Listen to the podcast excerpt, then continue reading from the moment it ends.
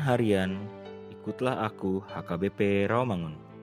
Jumat 18 Desember 2020 Dengan judul Besar di Hadapan Tuhan. Bacaan kita pagi ini tertulis dalam Yesaya 54 ayat 1 sampai 10 dan bacaan kita malam ini tertulis dalam Matius 13 ayat 10 sampai 23. Dan kebenaran firman yang menjadi ayat renungan kita hari ini ialah Lukas 1 ayat ke-15. Sebab ia akan besar di hadapan Tuhan dan ia tidak akan minum anggur atau minuman keras dan ia akan penuh dengan Roh Kudus mulai dari rahim ibunya. Renungan hari ini adalah nubuatan tentang Yohanes Pembaptis ia akan dipenuhi Roh Kudus mulai dari rahim ibunya. Yohanes akan besar di hadapan Allah karena dua aspek, yaitu yang pertama, aspek rohani.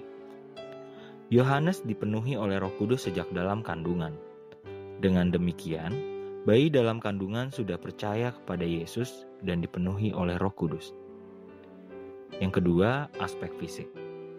Yohanes tidak minum anggur seumur hidup dan hidup di padang gurun dengan baju kulit unta dan makanan belalang dan madu hutan.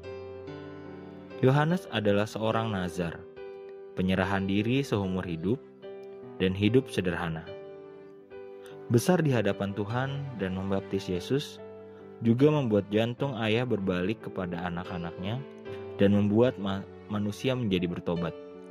Seharusnya Kuasa pertobatan dari Allah terjadi kepada kita, sehingga kita tidak menjadi anak-anak yang membuat orang tua kita menangis. Tetapi sebaliknya, seperti Yohanes, kita membuat mereka bergembira, sebab firman Tuhan terjadi di dalam hidup kita. Untuk besar di hadapan Tuhan, maka langkah pertama adalah harus ada pertobatan. Dan setelah itu dipenuhi Roh Kudus, yang artinya kita melayani Tuhan.